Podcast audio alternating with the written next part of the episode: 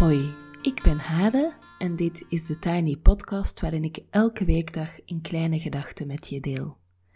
Vandaag is het vrijdag 16 oktober 2020 en de kleine gedachte gaat over bomen. Vrijdag is voor voeding, heb ik besloten. Ik heb de laatste jaren best veel geld en tijd besteed aan mezelf voeden, door bijvoorbeeld opleidingen te volgen en boeken te lezen.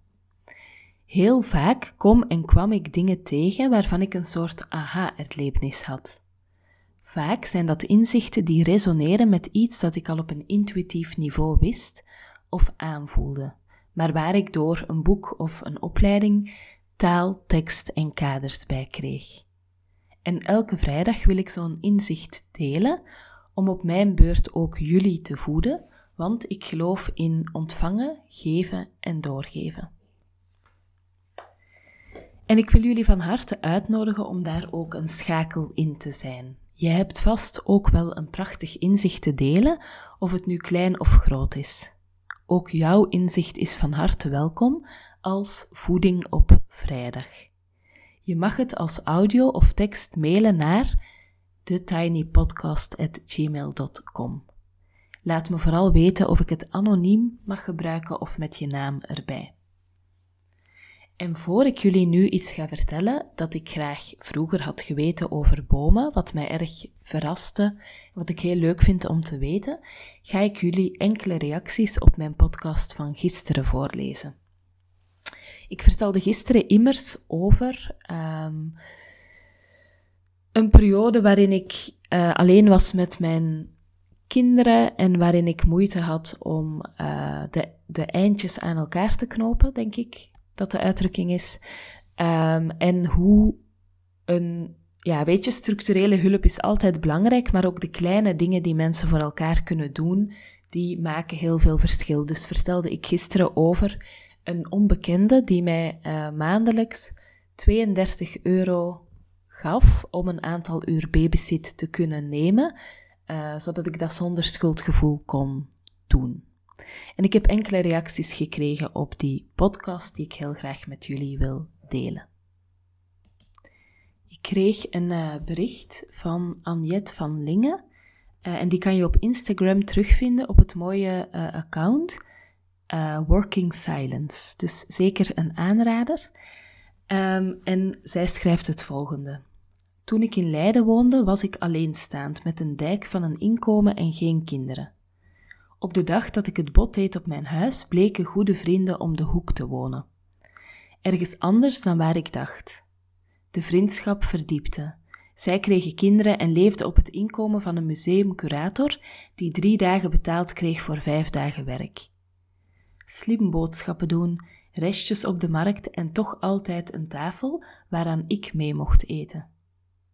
Ik kocht wel eens iets voor ze, gaf verjaardagscadeaus die eigenlijk als cadeau te groot waren, maar wel in een behoefte voorzagen. En een luisterend oor. Een tijdje was er een oppasfonds, zodat de moeder aan haar kunst kon werken of gewoon even niets doen. Toen de kinderen ouder werden en steeds nieuwe schoenen nodig hadden, werd ik de schoenenvee.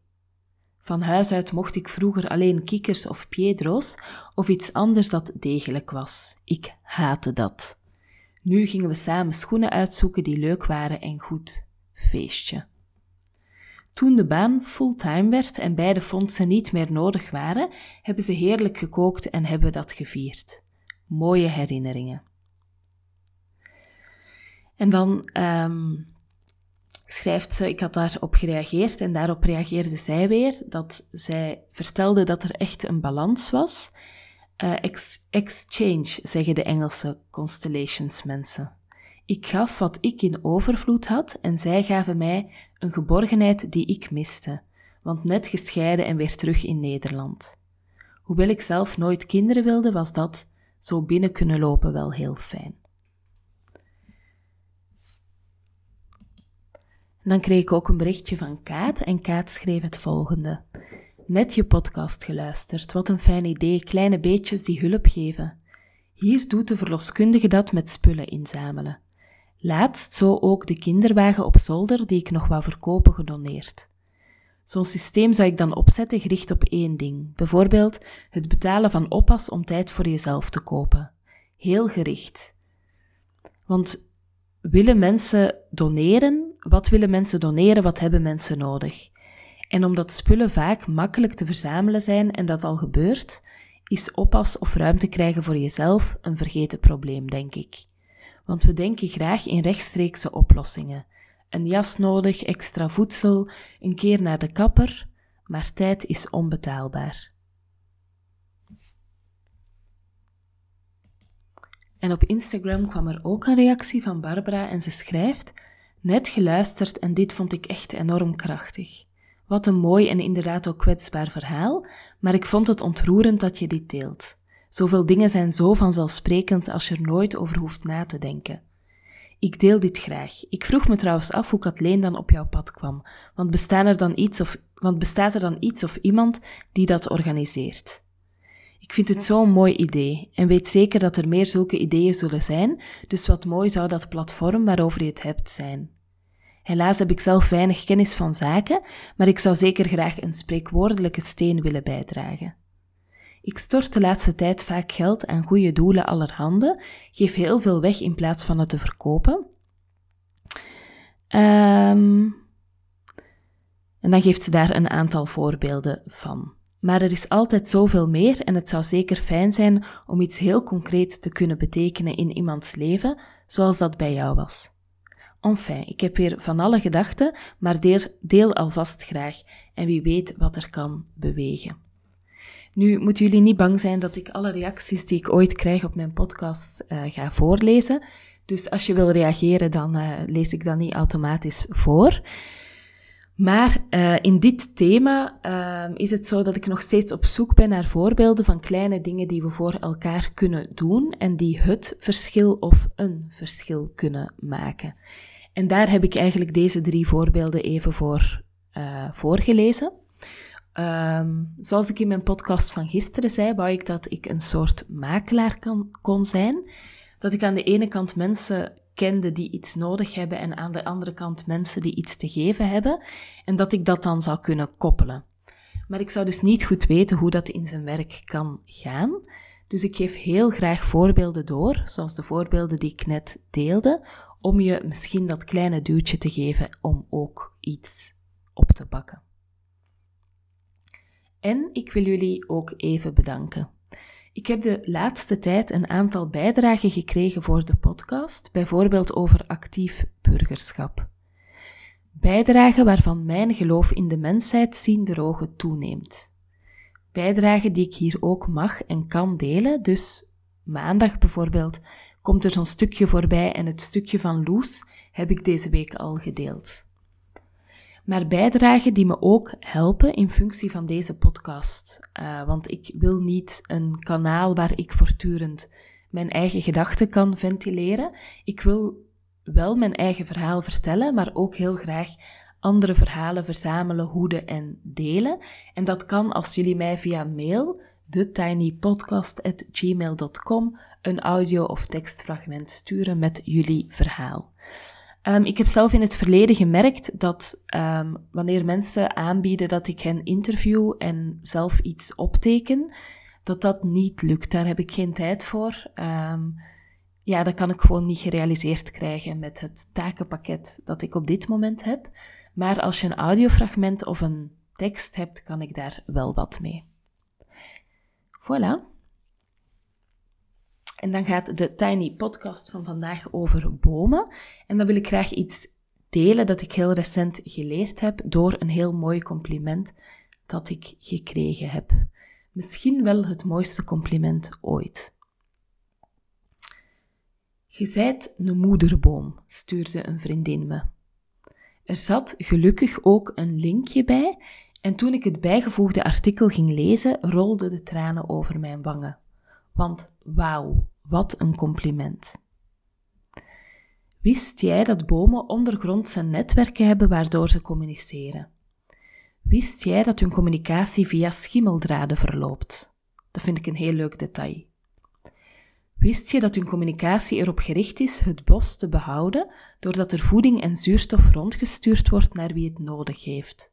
En wie is in dit geval een andere boom? Wist je dat er moederbomen bestaan die hier een cruciale rol in vervullen? Bijvoorbeeld als deze moederboom omgehakt wordt, dan worden de overlevingskansen van de jongere bomen in het bos aanzienlijk kleiner. De volgende keer dat je een boswandeling maakt, kan je dus om je heen kijken en je realiseren dat je geen aparte bomen ziet, maar een geheel waarin gedeeld en gezorgd wordt. En bij Bos Plus, het artikel wat zij doorstuurde, lees ik dit. De wetenschappers ontdekten een ondergronds schimmelnetwerk dat de bomen en planten binnen een ecosysteem verbindt. Deze symbiose maakt het mogelijk dat voedingsstoffen gedeeld en verdeeld kunnen worden tussen de verschillende bomen en planten en zorgt voor een positieve ontwikkeling van het gehele ecosysteem. Wetenschappers kwamen tot deze ontdekking door het observeren van het felgekleurde geel-witte netwerk van schimmeldraden in de bosbodem. Veel van de in de bosbodem aanwezige schimmels waren, en dan krijg je de naam van een schimmel, mycorrhiza, denk ik als ik het juist uitspreek. Deze mycorrhiza hebben een gunstige relatie met een gastplant, in dit geval de boomwortels. Zowel de schimmels als de bomen ondervinden de positieve effecten van deze samenwerking. Microscopische experiment, experimenten onthulden dat de schimmeldraden koolstof, water en voedingsstoffen transporteren tussen de boomwortel, afhankelijk van de noden van de individuele bomen. Aan de basis van dit netwerk liggen moederbomen. Dat zijn grotere en oudere bomen die zich in de bovenetage van het bos bevinden en het bosbeeld bepalen.